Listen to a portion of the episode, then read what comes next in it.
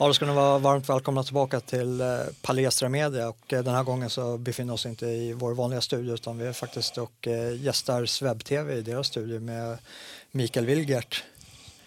Trevligt att få vara hos dig höll jag på att säga men det är väl en symbios här emellan. Mm, kul att se dig här. Ja. Ni, ni, fick ju en väldigt otrevlig julklappshälsning från inte bara Youtube utan om jag förstod det rätt från Google. Mm. Eh, de stängde ner er kanal. Mm. Och eh, de nöjde sig inte bara med att stänga ner er kanal utan de eh, stängde även ner era Google-dokument. Ja, det, det visar sig nu när vi skulle ta upp arbetet efter nyår att de dokument vi har på Google Docs där man kan lagra dokument. De försöker konkurrera med Word och Excel och så vidare. Ja. Där är våra dokument som har med med våra nyhetssändningar, de är bortplockade. Ja, men eh, har ni kontona kvar? Kontot finns kvar och andra ja. dokument finns kvar men just de som är kopplade till, till eh, vår, vår Youtube-kanal är borta. Så, så Google-personal har gått manuellt in bland era företagspapper som ni har lagrat på molnet och vält vilka papper eller dokument ni får ha kvar? Ja, vi, vi, vi vet inte hur de har försvunnit. Ja. Så att eh, vi kan bara spekulera, men, men de är borta. Hur, hur, hur går man tillväga där? Jag är själv i Gmail, jag använder i, i huvudsak inte Google Documents utan jag använder Microsoft Drive. Mm. Jag vet inte om de är så mycket bättre än eh, Google. Men eh, vart vänder man sig? Mm. Kundtjänst, vart klagar ni? Konsumentombudsmannen? Ja, det, här, eh, det, det är ett av problemen med alla de här gratistjänsterna att dels så finns det ju ingen kundtjänst som man kan vända sig till och som man upplever eh, att man kan få ett svar ifrån. Utan det är ju alltid väldigt opersonligt. Eh, det finns egentligen ingen riktig kontakt. Och jag skulle gissa att läser man deras avtal så, så kan man inte hävda några rättigheter för det är ju trots allt gratistjänster. Ja. Så att eh, vi har inte ens eh, tänkt att vi ska försöka få fram dem eller få ett svar. Det, det, det känns inte värt besväret helt enkelt. Ni, ni, ni har fått ett enormt stöd från uh, alla alternativ mediekanaler och uh, era belackare i de här diskussionerna som mm. framförallt som jag har följt som har varit på Twitter har ju gått ut och sagt att ja, men, Youtube är ett privat företag, eh, vill ni vara där så, så måste ni förhålla er till dem. Mm. Hur, hur ser du på, på en sån form av argumentation. Ja, jag skulle nästan bara först få, få göra, rikta ett väldigt stort tack till, till våra vänner i de andra fria medierna. Mm. För det har verkligen värmt att känna det stödet. Och eh, jag tror faktiskt att det, är ett, det kan leda till ett litet uppvaknande hos folk. För det är ju jag vet inte hur många det är, men det är sannolikt miljontals människor i Sverige som följer de fria medierna, Fria Tider och Nyheter idag och, och Samnytt och så. Och så helt plötsligt ser det att här, här har det hänt någonting. Så att det, det, det, jag tror att det, har, det, det är en kraftmanifestation här. Och jag är övertygad om att alla journalister som sitter i de gamla medierna, även fast de håller helt tyst om det här. Och, och eh, Vidar Nord eh, skickade ett mejl där han sa att att det går inte ens att söka på det här på Google. Nej. Så Google censurerar det här också. Ja, det ligger, ligger väl ett egenintresse där. Ja, och. så att, eh, jag vill bara säga det först. Eh, och eh, Eh, hur var din fråga nu igen? Det hann jag glömma bort. Eh, jag, jag, tänkte vi, vi, vi bara namnge de eh, plattformar som startade det här uppropet. Och det, var, det var ju Nyheter idag, Fria Tider, Nya Tider, Exakt 24 och eh, Samnytt. Så mm. det, det är tidningar värda att följa. Eh, fråga, frågan var så här att eh, var, var någonting som jag verkligen så här, eh, anmärkte på, på Twitter där mycket av de här diskussionerna har varit. Och eh, för några år sedan eh, i Amerika så var det ett, en stor liksom, socialliberal upprorsstämning mot eh, ett, eh, en privat näringsidkare, en bagare som inte ville baka en eh, bröllopstårta till ett speciellt par och nekade dem och det blev en stor anstormning mot det. Och jag bara ser kontrasten över vart var de här människorna nu som pratar om privata företag som ska få välja sitt egna kundunderlag då? Alltså det, Nej, men det här du tar upp en viktig sak. Jag skulle säga att det här är ett missförstånd som mm. folk har. Att bara för att man är privat näringsidkare så kan man göra som man vill med sina kunder. Mm. Så ser det ju inte ut i, i resten av samhället. Du kan ju inte ens som affärsidkare säga att att eh, tidigare har du inte ens kunnat förbjuda folk att komma in i din affär även fast de eh, har varit där för att snatta, bevisligen. Ja. Nu har väl det kanske ändrats lite grann men du har inte möjlighet att, att, stänga ute folk med en viss åsikt eller en viss hudfärg eller någonting annat. Utan där gäller det att du ska kunna handla, du ska kunna göra dina inköp oavsett de sakerna.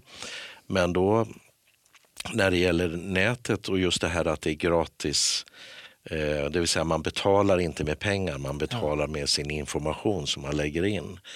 Eh, då så menar man då att ja, men de får göra som de vill.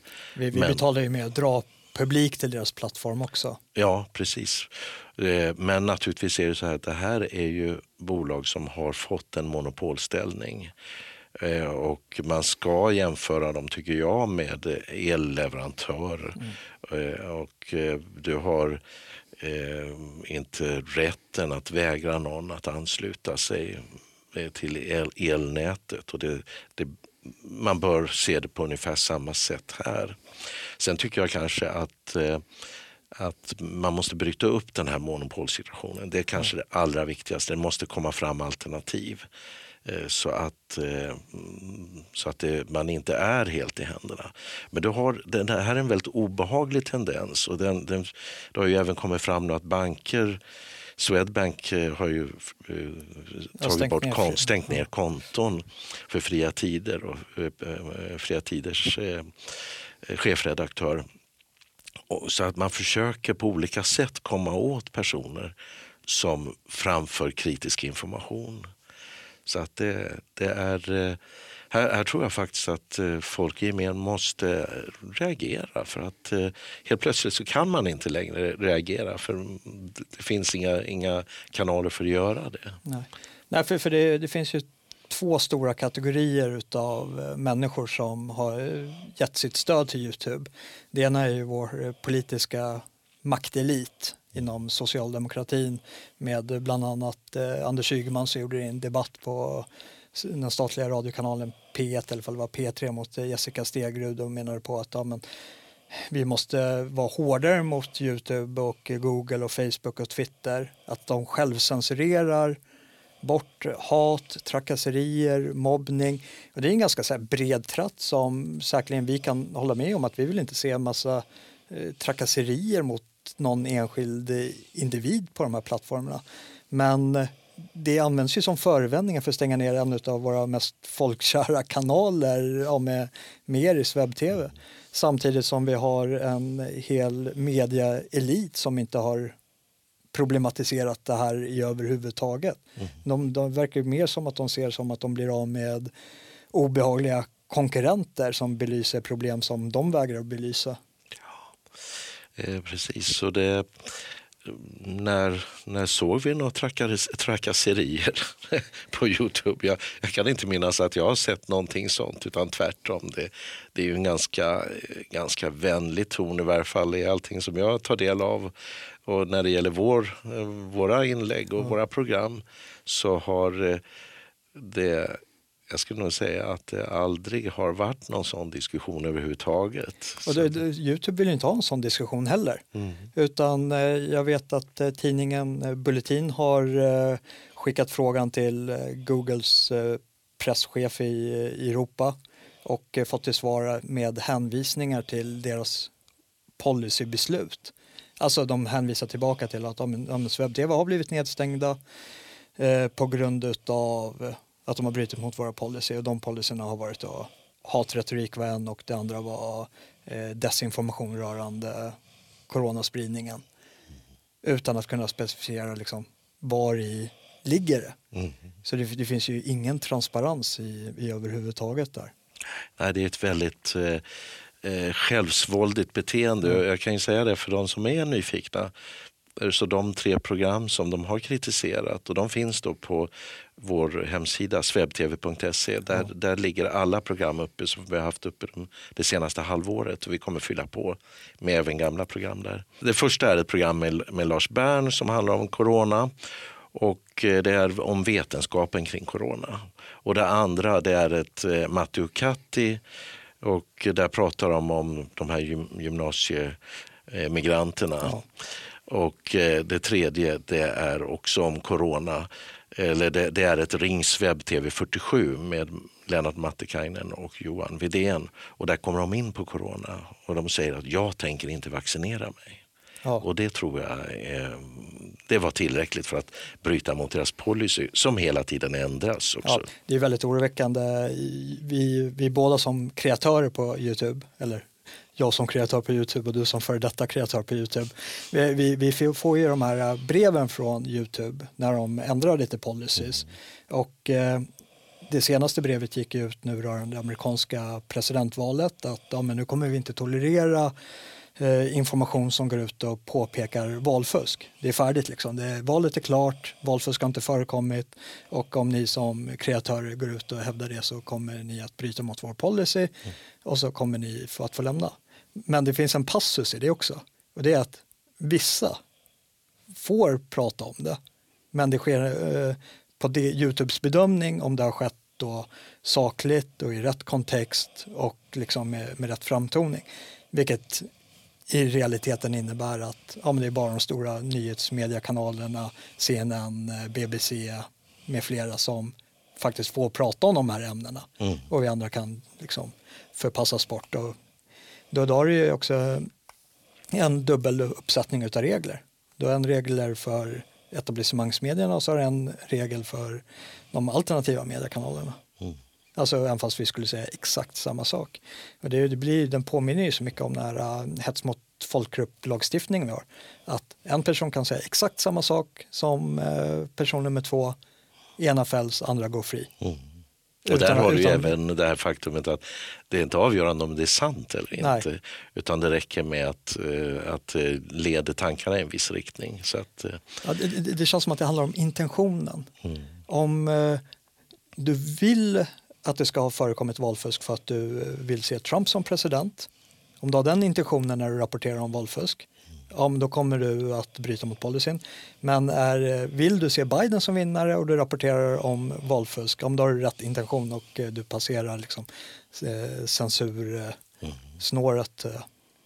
Men det, här, det där jag tänker så här kring det här att de kunde lika gärna strunta i de här reglerna för att det man ska se det som det är om man hotar de ekonomiska intressena ja. och deras grundläggande filosofi. Eh, då, då har de rätten att bara ta bort kanalen. Så mm, det finns ju de som tänker kring rättssäkerhet och så ja. Jag tror man kan glömma det. Utan det, här, det här är ett eh, monopolistiskt bolag som är väldigt auktoritärt och som gör som de vill. Och är det så att det går emot deras grundläggande filosofi då tar de bara bort det. Ja. Och då råkar det dessutom sammanfalla med vår regerings filosofi och hur de tänker i de här frågorna. Så att de inte är särskilt bekymrade, det, det ligger i sakens natur. Så att, och hur ska man gå till rätta med det?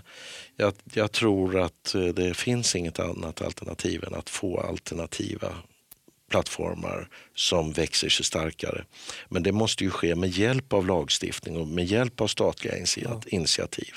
Jag tänker till exempel på Rockefeller som blev tvingade att dela Standard Oil. Och det här har ju hänt då och då.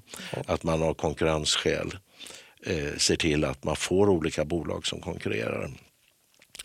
Vi hade ju även när eh, vi har haft det även när det gäller svenska bolag som vill köpa upp varandra och då går Konkurrensmyndigheten in och säger nej. Men på samma sätt så måste ju eh, eh, myndigheter eller lagstiftaren i en sån här viktig fråga se till att det kommer alternativ och att man kanske tvingar Google att dela på sig det, eller att eh, på något annat sätt se till att det, det kommer alternativ som inte styrs av samma eh, ekonomiska intressen eller i, samma intentioner, samma politiska intentioner. Eh, Polen har ju kommit med något lagförslag som ska försöka skapa någon form av rättssäkerhet på, på Youtube.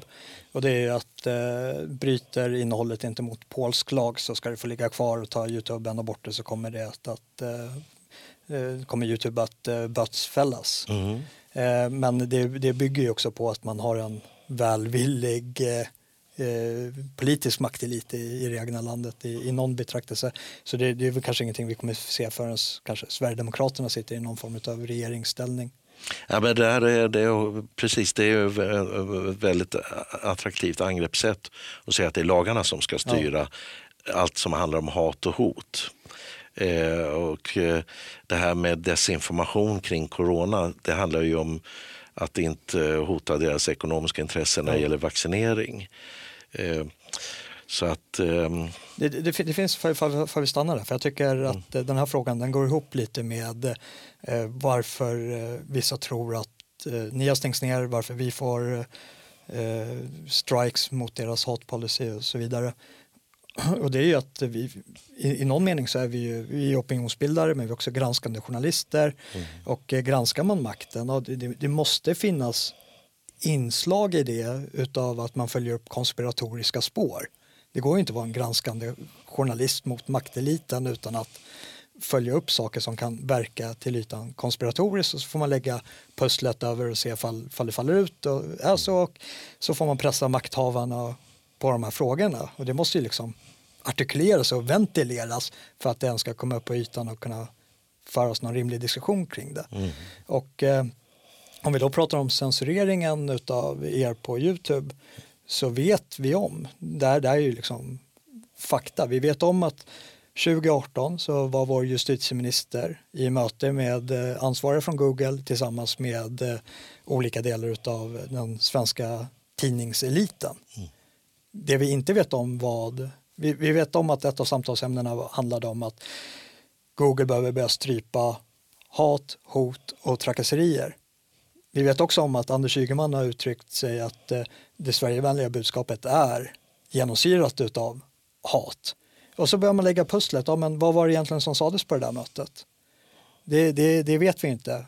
Och vad som sades där kan mycket väl ligga till grund för den tilltagande censuren av det Sverigevänliga budskapet. Eller mm oppositionspolitiken.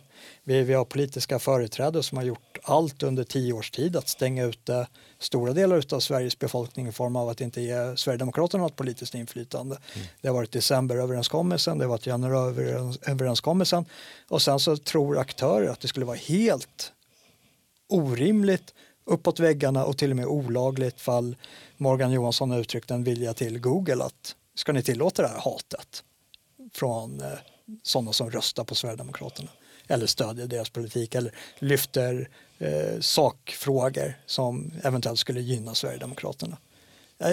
Är jag en foliehatt som, som lyfter upp det här? Nej, där, där är det ju till och med så att det finns ju ett, ett rapportinslag där de, där de, eh, just i samband med att de kallade in de här nätjättarna ja. och där de säger att de måste göra någonting åt det. Och eh, eh då säger de ju att de ska, de ska ha 10 000 personer som ska granska inslagen. Ja. Och många av dem ska vara svensktalande. Så att eh, det är ju en, en, att det är en påtryckning, det, det är ju helt uppenbart. Ja. Och den är ju naturligtvis helt oacceptabel för att de, de nämner ju inte vad de menar med allt det här pratet om hat och hot. Och det vet ju alla att det handlar hat och hot. Det är när man kritiserar Socialdemokraterna. Ja. Ja, vi, vi är regimkritiska journalister. Mm. Och, eh, jag, jag kommer ifrån, eh, jag, jag studerade på Försvarshögskolan, eh, statsvetenskap och internationella relationer. Och var det någonting som eh, mycket utav emfasen låg på, det var ju över hur vi ska betrakta rysk oppositionspolitik, hur vi ska betrakta kinesisk oppositionspolitik.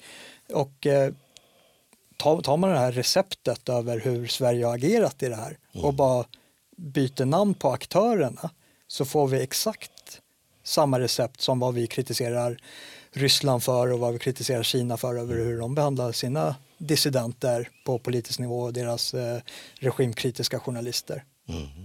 Ja, det, jag tror att vi, vi har lätt att ta till oss att eh, eh, regenter i Mellanöstern kan vara korrumperade och så, men vi tänker inte att våra egna styrande kan vara det och att det kan vara sådana saker som, som ligger bakom deras agerande eh, när, det gäller, när det gäller just förhållningssättet till, till de här internationella finansintressena ja. och där Google och Facebook är en del. Och nu visar det sig att de här nätjättarnas värde, jag tror faktiskt att eh, man sa häromdagen att det överstiger hela den europeiska börsen. Ja. Så att eh, det inflytande som de har, det är helt ofattbart. Och det var också någon som förklarade att man kan undra hur de kan vara så nonchalanta mot sina användare. För det, det, är klart att de måste förlora i anseende ja. och även förlora pengar på att hålla på och misshandla sina användare. Men eh, då förklarar han det att de bryr sig inte för att de badar i pengar ja. och att de förlorar lite intäkter det har ingen betydelse. Det är, det, det är agendan som är det viktiga här. Ja. Och anseendet det erhålls ju bara från internt inom etablissemanget. Det finns väl ingen eh, folkpartist eller centerpartist som bryr sig om vad några Sverigevänner tycker om dem. Nej, det, det som jag ändå tycker att man ska tänka på det är att när, när vi själva då använder Gmail, jag kan tänka mig att det kanske finns en miljon Gmail-abonnemang i, i Sverige. Och med tanke på hur de här nätjättarna är där de sätter upp avtal och sen helt plötsligt ändrar de avtal. De kanske skickar ut och talar om att nu har vi ändrat alla avtal. Och fortsätter använda produkten så har du godkänt ja, avtalet. Ja, precis. Och, och, och här, här har vi vårt 30-sidiga avtal som du kan se på den här sidan. Eh, och det är ju ingen som på allvar tränger in i det där. Eh, och jag skulle kunna ställa en sån här fråga till de som har Gmail, då, om vi tar det exemplet. Eh, hur länge lagrar man de här mejlen? Ja. Finns de kvar när man har raderat dem? Eh, vilka får titta på dem? Vilka får titta på dem nu? Men vilka får titta på dem i framtiden? Hur kommer den artificiella intelligensen bearbeta alla de här mejlen för att kategorisera den politiska inriktningen hos användaren? Eller ännu värre, börja hitta på egna, egna mejl baserat på den här informationen. Det att, att vi så god troget lämnar över vår kanske viktigaste informationen, information i händerna på nätjättar ja. som har helt andra avsikter än vad vi kanske själva har och vad vi kan föreställa oss. Eh, och vi hade ju ett uppvaknande skulle jag säga när det gäller eh, den statliga informationen i samband med Transportstyrelsen. Ja, Men jag tror att vi som vanliga med, medborgare behöver börja reflektera över vilken information vi stoppar in hos nätjättarna. Där vi på Facebook lämnar ut våra liv. Hur vet vi att det inte kommer användas emot oss? Hur, vet vi att det inte kan användas för att faktiskt förstöra våra liv? Ja. Och inte nu, men kanske om fem år eller om tio år. Eh, och vi har även bolag som godtroget lä lägger upp all sin affärskritiska information i Googles molntjänster. Därför att de är så bra och de har massvis av verktyg som man får gratis tillgång till. Eller kan använda med, med rimliga kostnader. Men hur vet man att inte den informationen sipprar iväg och hamnar hos en konkurrent? Det finns ingen möjlighet att avslöja det.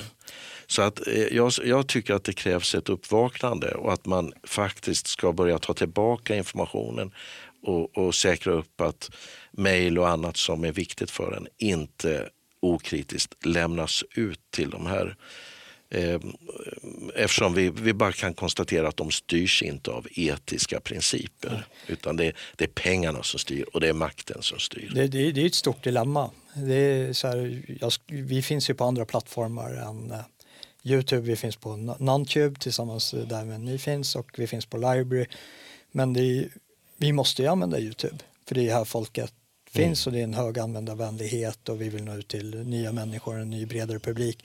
Och eh, ja, kanske ska vända mig till er tittare men det, det, det är så små saker som ni kan göra en övergång smidig. Att det försöker i allra största mån att konsumera webb-tv på deras egna plattform, att eh, konsumera oss på antingen Nontube eller på Library och eh, låta Youtube vara en plattform bara för att nå ut till nya människor. Eh, och eh, ja, tänkte vi, vi byter lite inriktning på samtalet. Det är ju eh, historiskt, alltså nutidshistoria, så har det varit en ganska stor distans mellan alternativmedia, den svenska oppositionella medien, den regimkritiska medien tillsammans med eh, den eh, parlamentariska oppositionen med till exempel Sverigedemokraterna. Eh, det har ju funnits en eh, stor beröringsskräck där Eh, framförallt då kanske Sverigedemokraterna inte vill behöva stå till svars för allt som står i, inom alternativmedia. Och så har det varit under tioårsperiod. Det har till och med varit så med Sverigedemokraternas e, egna plattformar som avpixlat när de hade den, att det fanns en distans mellan politiska företrädare till de alternativmediekanaler som fanns. Och eh, ska man se kanske ett ljussken i det här mörkret är att ja, men nu kanske vi börjar få kanske en mer slagkraftig opposition där det inte sker på den parlamentariska grenen och eh, inom den opinionsbildande grenen. Och det är att eh, ni, ni har ju fått ett oerhört stort stöd från Sverigedemokraterna mm. som, som inte jag sett eh, de gå ut och ge tidigare till någon alternativ medieplattform i överhuvudtaget. Nej, det där var ju det var väldigt positivt att vi har haft med sverigedemokratiska ja. riksdagsmän och även moderat eh, riksdagsman att eh, Eh, att det, det, finns ju ett, ett, intresse av att nå ut för de politiska ja. partierna. Och då måste man komma över den här beröringsskräcken för att det är trots allt i de alternativa eller fria kanalerna som den intellektuella diskussionen pågår. Den är ju närmast obefintlig i, i SVT eller några av de gamla medierna. Och eh, nu var det ju ja, det, det, det, är märkligt, det är som att SVT och de gamla medierna, de tror att deras tittare inte är intresserade av budskapet som panelisterna sitter på. Mm. Långa utläggningar och eh, djupa debatter som kan pågå en timme eller två timmar existerar ju inte. Nej. Det ska vara två, tre meningar var, repliker och sen över till eh, nyheten och sen reklam och sen till nästa program. Jag tyckte Chris Forste beskrev det där väldigt bra ja. i, i, den, i det samtalet vi hade som också finns nu då på, på swebtv.se. Eh, där eh, hon också tog upp det här, de här som hon tyckte löjliga partiledardebatterna där du har en eller två journalister och sen så har du en drös med politiker ja. som de ska då eh, kommunicera med. Och så jämförde hon det med hur det fungerade längre tillbaka. Om man går in och tittar på gamla partiledarutfrågningar, då var det ju tvärtom. Då var det en partiledare ja. och två, tre journalister. Och då var det inte vilka journalister som helst, utan då var det de skarpaste. Ja. Så då blev det ju riktiga mangliga. Men det här tyckte hon, det är ju bara löjligt, jag är nog beredd att hålla med. Ja. Så att eh, det här är, jag, jag skulle nog tycka att det här är öppet mål för de partier som går in och eh, släpper den här beröringsskräcken och deltar i, i den intellektuella debatten. För den förs verkligen inte i de gamla medierna. Och eh, debattera med de, de kunniga personer som, som förekommer i de, i de fria medierna. Och eh, nu har vi ett val snart här och då blir det ännu viktigare att de här fria medierna inte blir censurerade och misshandlade på det här sättet som vi i värsta fall kan råka ut för. Och jag tror när det gäller Youtube så är det ju en, en sak att har man en liten kanal som inte har så stort genomslag, då kan man säga lite ja. vad man vill. Men ju större betydelse det får, desto viktigare är det att man håller sig inom, inom den här eh, kanalen där de tillåter diskussionen. Så att eh, här behövs det verkligen stöd från, från våra lagstiftare. Och jag tycker man skulle vara hårdhänt faktiskt med den svenska lagstiftningen. Man skulle behöva ha lika snabb lagstiftning som man har inom pandemin. För där verkar det som man kan få fram lagar på bara några dagar. Men det borde vara möjligt att ha det även, även när det gäller det här. Och det, det polska exemplet som du nämnde där, det låter ju som en snabb och enkel väg helt enkelt. Att eh, man ska inte kunna hitta på sina egna regler på det här sättet som de gör. Det måste ju vara en enorm stridsfråga eh, för Sverigedemokraterna. Mm. Jag, jag, vet, jag, vet, inte vad, vad de skulle ha för möjligheter 2022 om det var så att alla fria medier eller regimkritiska medier ströps ut från samhällsdebatten. Nej, jag tror att vi, vi ska vara medvetna om att det är det som håller på att hända. Och då är det som sagt inte bara Youtube, för det, allting hänger inte på Youtube. Utan det kanske farligaste hotet det är att banker börjar strypa ja. Eh, penningflödet, strypa Swish och eh, även ta bort bankkonton för, för de här kanalerna. Ja, ta, ta bort vår möjlighet till att kunna andas, mm. kunna producera. Mm. Så ja, det, det är väl också en uppmaning till er tittare att eh, stödja en alternativ media som ni konsumerar. Det, det, är väl det säkraste sättet att säkerställa att man får mer av det och eh, försöka stödja dem på, via de kanalerna som inte är uppbundna via bankväsendet eller via Swish utan kanske skänka via kryptovalutor, bitcoin, bitcoin cash och ethereum. Är det någonting som ni, ni använder er av också? Vi har eh, den möjligheten men det, det, är ingenting som utnyttjas i någon större utsträckning. Men jag, jag kan bara konstatera, om jag bara får skjuta in en, ja. en, rolig detalj kring det där. Vi hade ju ett program om bitcoin och det är inte länge sedan. Det är, kan det vara två månader sedan högst. Då stod bitcoin i i 10 000 euro ja. när vi spelade in det. Och idag så är det uppe i 22 000 någonting. Ja. Så det har mer än fördubblats. Så de här eh, möjligheterna att gå vid sidan om, om eh, eh banksystemet och vid sidan om eh, de nationella valutorna, det är någonting som ökar attraktivitet. Mm. Och det är inte bara eh, svarta affärer utan det är väldigt mycket helt lagliga penningöverföringar som det handlar om. Ja, ja jag, jag, tror, jag tror det är mestadels eh, lagliga. Alltså det, det är ju en, bara att ha pengarna på kontot bortsett från eh, räntan så köpkraften minskar ju kraftigt över, över tid. Mm. Och kan man bara komma ifrån det genom att eh, låta pengarna ligga och vila på en kryptovaluta för att sen föra tillbaka med förhoppningsvis mer i numerär men också en starkare köpkraft. Mm. Det, så det, det, det, tror jag på. Så det, det, är nu, det är ni varmt välkomna att bidra med. Du nämnde förut det här med konspirationer. Ja. Vi har haft en del diskussioner om det. Vi kommer också ha ytterligare något program om det. För att eh, jag ska säga lite hur jag tänker kring det. Och det jag skulle tro att konspiration, det, det handlar ju om att att andas tillsammans på något sätt, eller ha samma ande. Ja.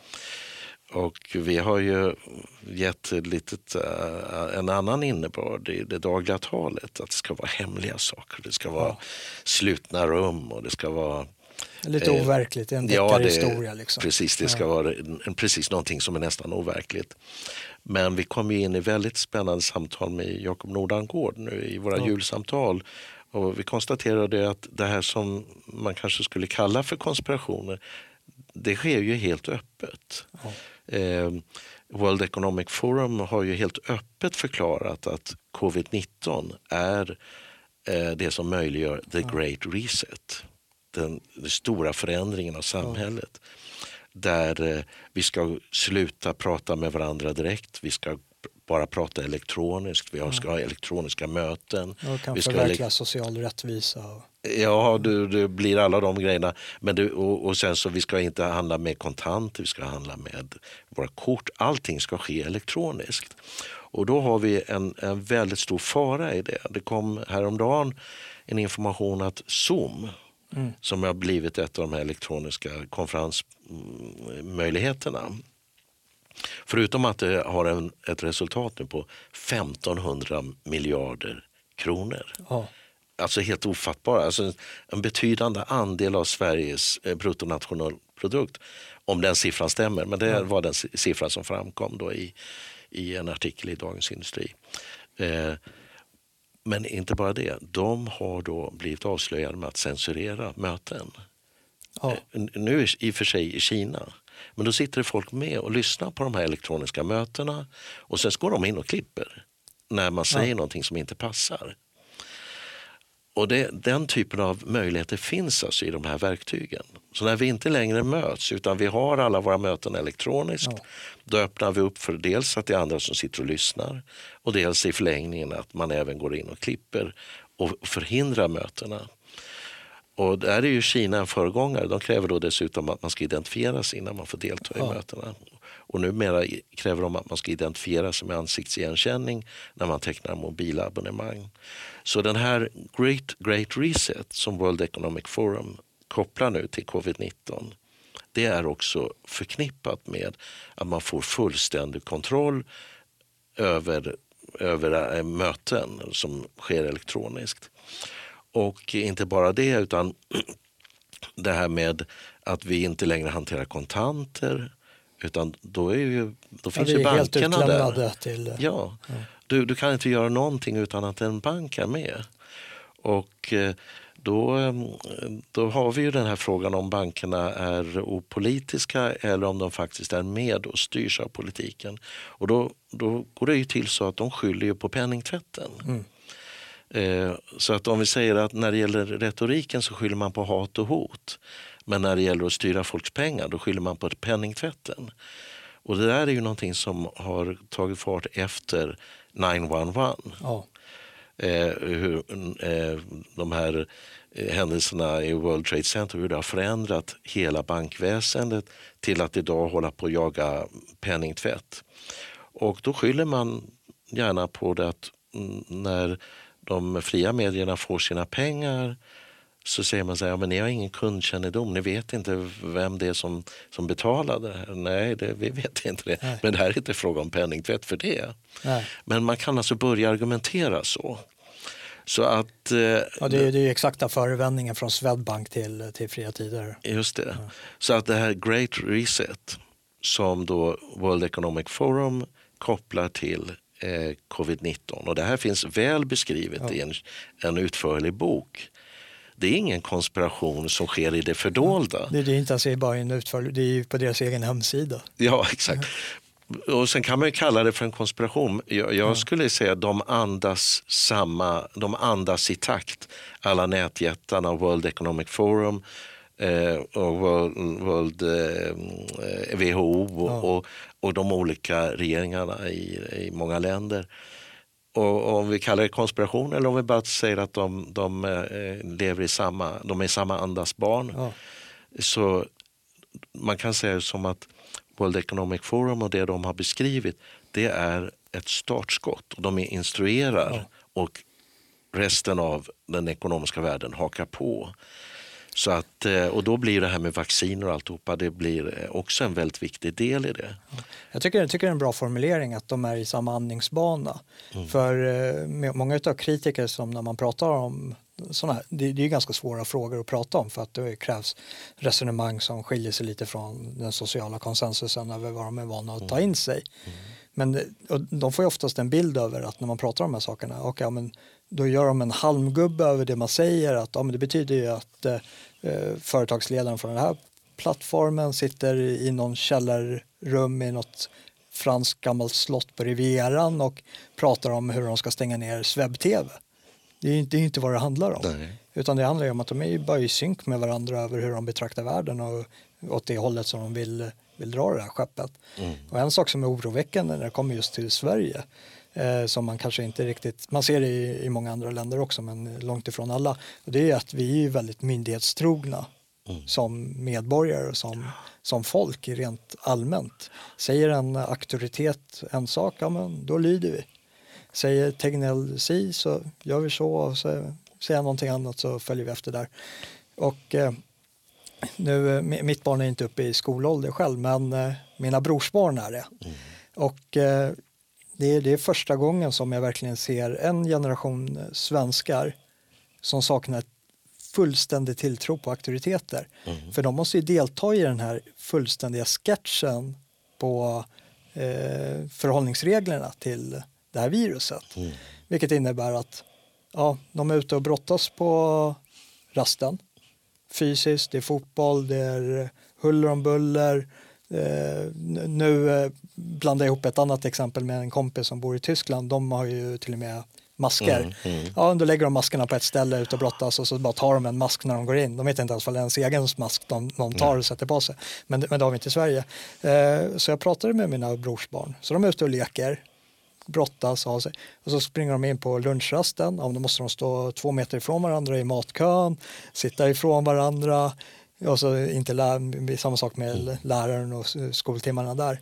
Och det blir så uppenbart för dem att ja, det är ju bara ett skådespel mm. över det vi gör. Alltså det, det, det den här auktoriteten säger att vi ska göra för att främja det här målet. Mm. Det stämmer inte.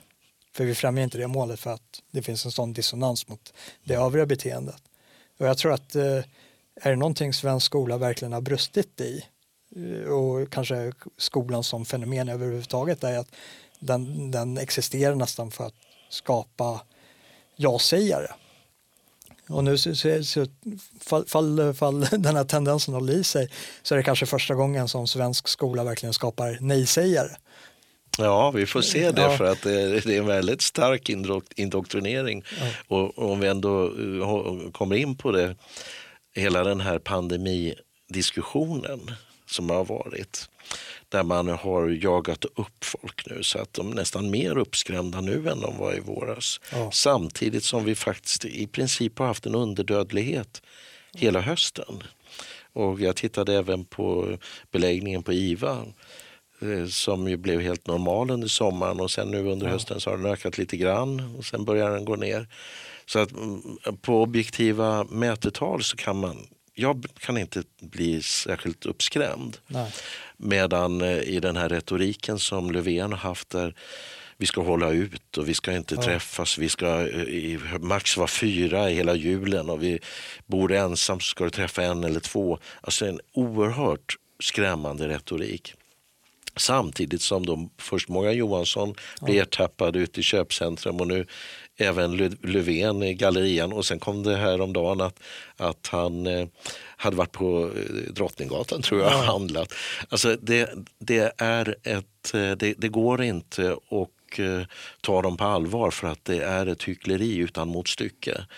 Och det eh, kopplar väldigt väl till det här med Great Reset. Att det, det är, det är en del i den retorik som man har haft för att få de här sakerna att hända. Att vi ska gå ifrån personliga möten. Eh, så att, eh, jag skulle vilja ta upp ett annat som eh, exempel om vi ändå ja. pratar lite kring just den här frågan om de påstådda konspirationerna. Så var det ju Lars Bern som visade att redan på 70-talet så beskrev Romklubben hur man skulle skrämma upp folk med klimatfrågan. Ja. Och man gör det här helt öppet i sina skrifter. Ja, man, kan, man kan gå tillbaka och se domedagsdatumen bara passera förbi och det sätts ett nytt datum. Ja. Och då om man, om man inser det, att det här är nu, nu går alla i takt för att vi ska in i det här nya samhället och eh, Jakob Nordangård kopplar det till det som kallas för den fjärde industriella revolutionen. Men om det betyder att vi, vi faktiskt inte kan prata med varandra utan att det ska ske eh, under kontroll, möjlighet till kontroll. Vi ska inte kunna betala utan att det sker med möjlighet till kontroll. Då tror jag att man, man ska ställa sig den frågan. Då, då säger, säger många så här att ja men varför skulle de använda det här på något negativt sätt? Mm. Varför, varför skulle de missbruka det här? Då tror jag man ska tänka ungefär som man mer och mer har börjat göra när det gäller Ryssland. Och det är ju, frågan är inte om de har tänkt anfalla oss eller varför de ska anfalla oss. Ja. Den fråga vi ska ställa oss är, kan de anfalla oss? Ja. Och kan situationen uppstå när man även här i Sverige får kontrollerade samtal på nätet? Vi, vi, vi kan ju se exempel på att det faktiskt redan sker. Ja. Och kommer vi hamna i den situationen att vi faktiskt inte kan genomföra våra köp utan att de är godkända av, av någon, eh, eller omvänt att de faktiskt kan bli underkända av någon politisk instans. Ja. Eller det, det, det är gammal visdom. Är, man måste förbereda sig för värsta tänkbara scenarier. Då måste man ju ta sådana saker i beaktande över mm. vad är det som går fel, vems makt, vems liv lägger jag liksom i vems händer. Ja. Vem, vem är det som kommer kontrollera det? Och det är så här, vi håller ju på i Palesa Media och eh, arbetar med en eh, dokumentärfilm som eh, handlar om varför Sverige blev en mångkultur. Och det, det, det flätar ju in lite i de här sakerna också. Mm. För det finns ju ingen, eh, ett kollektiv som är lättare att kontrollera om det också samtidigt är rotlöst. Och det, det inte finns någon särskillnad mellan att vara svensk eller att vara eh, tysk, för vi ska ta ett nära exempel, eller om det är någon särskild mellan att vara svensk eller syrie. Mm. För att kanske ta ett ännu närmare exempel på över hur demografin ser ut i Sverige idag. Men det, det här är, Jakob Nordangård han varnar för att vi är i en sån situation nu att vi, vi börjar, vi kanske helt enkelt, det kanske blir för sent att ändra det här. Och det som har räddat oss, du nämnde Tegnell för att jag brukar säga, jag sänder faktiskt både honom och Folkhälsomyndigheten en tacksamhetens tanke ja. ganska ofta av det enkla skälet att vi har inte blivit tvingade till ansiktsmasker. Nej. Vi har inte blivit, fått en massa restriktioner. Men vad, vad, tror du att det beror på? Jo, det, det kom ju fram här. Det var faktiskt PM Nilsson som skrev en ledare och det har ju talats om det att vi har hinder i vår grundlag. Eh, och han hänförde det till Ådalen 31 ja. när militären eh, skulle lösa upp en demonstration och allting slutade med att människor blev dödade. Och då införde man eh, eh, i, sin, i vår grundlag eh, en åtskillnad mellan fredstid och krigstid. Ja. Och vi är i fredstid, även om man vill förklara krig mot, ja. mot alla möjliga saker. Eh, pandemier och terrorism och allt möjligt. Men vi är faktiskt i fredstid och då, gäller inte möjlighet, då har vi inte möjlighet till undantagslagar. Nej. Och då har man inte haft möjlighet att stänga ner varuhus och butiker och annat. Det enda man har kunnat stänga ner det är restauranger för där gäller utskänkningsregler ja. och man kan även utnyttja ordningslagen in, i, när det gäller parker och lite annat ja. sånt där. Så därför är ju museerna till exempel, Vasamuseet är stängt. Ja. Fast det, det finns ju väldiga ytor folk kan gå runt och, och hålla distans om det nu handlar om det. Men det som är verkligen oroande nu det är ju att att nu ska man då trumma igenom den här pandemilagen och den ska naturligtvis gå igenom nu över Eh, det ska debatteras nu över nyår i princip. Eh, eller precis intill nyår. Och eh, den ska tvingas igenom på mycket kort tid. Och då är man ju förvånad över att så många säger så här, men vi måste ju skärpa våra regler, klart vi måste kunna stänga ner och så där.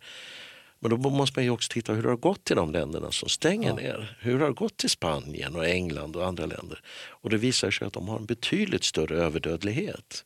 Vilket alla själva kan se om de går in på Euromomo och jämför länderna. Så vi har ju klarat oss förhållandevis bra jämfört med de länderna. Och eh, jag, jag, tycker snarast att eh, det här med pandemilagen det handlar om att ge en, en inkapabel regering eh, nya maktinstrument. Eh, varför ska man stänga ner gym? Varför ska man kunna stänga ner köpcentrum när samma personer som ska driva igenom det här själva springer och handlar och mm. alltså uppenbarligen inte tror på det här. Ja. Och jag pratade just med en gymägare som sa det att de har kört, haft öppet hela tiden och folk har varit där och gymmat. Och han kände inte till ett enda exempel på att någon hade blivit sjuk. Mm. Så var, var, finns de faktiska fakta kring att det lönar sig att hålla på med sådana här nedstängningar? Utan eh, jag tycker att vi skulle protestera mot det där medan vi faktiskt fortfarande får protestera. Jag, jag, jag, tror vi är inne på, på ett eh, samtal som är väldigt, väldigt intressant och bara fråga, fråga tittarna rent retoriskt. Vart hör man de här samtalen någonstans? Mm. Jo, man, man, har hört dem på SvebTV. Och vad, vad händer med SvebTV? Och det, det, det här är ett oerhört viktigt eh, samtal att föra. Mm. Varför För, behöver de aldrig ha evidens? Ja. Varför, varför, varför pratar man om nedstängning? Ett så fullkomligt värdelöst och trubbigt vapen. Eh, som om det vore en lösning, att folk ska gå runt eh, med ansiktsmasker eller, eller sitta hemma. Alltså, kutym är ju att den som isolerar sig, det är den sjuke, mm. inte den friske. Nej, precis. Det, är, det är ju tillvägagångssättet. Och jag, jag, jag, ser ju liksom smärtan i, i omvärlden som har haft de här påtvingande restriktionerna som vi har sluppit än mm. så länge och förhoppningsvis slipper. Och det är ju att det mänskliga lidandet ser ut att vara långt, långt mycket värre än vad det värsta tänkbara scenariot av det här viruset skulle kunna ha för effekt. Mm. Jag skulle välja viruset varje dag i veckan framför de totala nedstängningarna. Ja, och sen, sen finns ju den här aspekten som Mats Pulsvik tog upp i ett ja. samtal och det är att eh, han hade en väldig respekt för viruset därför att vi vet inte vad som kommer nu. Det kanske är så att det kommer riktigt farliga virus också. En sak som skulle kunna komma ifall människor har isolerat sig, mm. har inte utsatt någon påfrestning på sitt immunförsvar och går ut och får en vanlig förkylning och sen går hem och hostar sig hes och tror att de ska dö i corona. Mm. Och det, eh, precis, men han, han uppmärksammade det att eh, samma eh, kretsar som gjorde en, eh, genomförde den här eh, Event 201 ja. där man studerade scenarier kring pandemier. De skulle nu under hösten studera scenarier kring en dödlig pandemi. Ja. Eh, och det, det, det, det är det som corona skulle ha varit. Ja, det kanske är så. Så att det, eh, det är, eh, även om vi inte är särskilt, i varje fall inte jag, särskilt orolig för, för det så kan det komma saker som är ännu värre. Ja. Och, ja, det, det, visar i varje fall att ja, man, får ta, man ska ta det med respekt och, och, naturligtvis är det så att det är många som har dött av följdverkningar. Så är det ju, även om det, jag känner många nu som, som har fått det och det inte har varit något speciellt alls. Men det som kommer nu är ju också vaccineringen. Mm. Och eh, eh, nu kan vi inte prata om det här eftersom Nej. det här kommer ju sändas på Youtube. Men det, det är någonting som vi behöver diskutera. Ja, verkligen. får vi göra på er egen plattform. Det får vi göra. eh, det är, är det fortfarande beta.swebtv.se? Nej, nu är det swebtv.se. Swebtv.se. Eh, och innan, vi, innan jag släpper dig ut ifrån din egen studio, eh, vad, vad, tror du i närtid?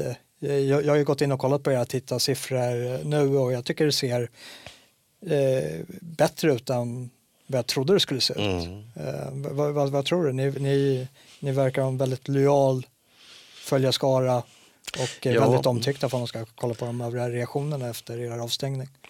Jag, jag, jag, håller med dig att det, det är bättre än, än, vad man har vågat hoppas på faktiskt. Och jag tror att det delvis har att göra med att rent tekniskt fungerar det. Ja. Det går snabbt, man får upp programmen snabbt.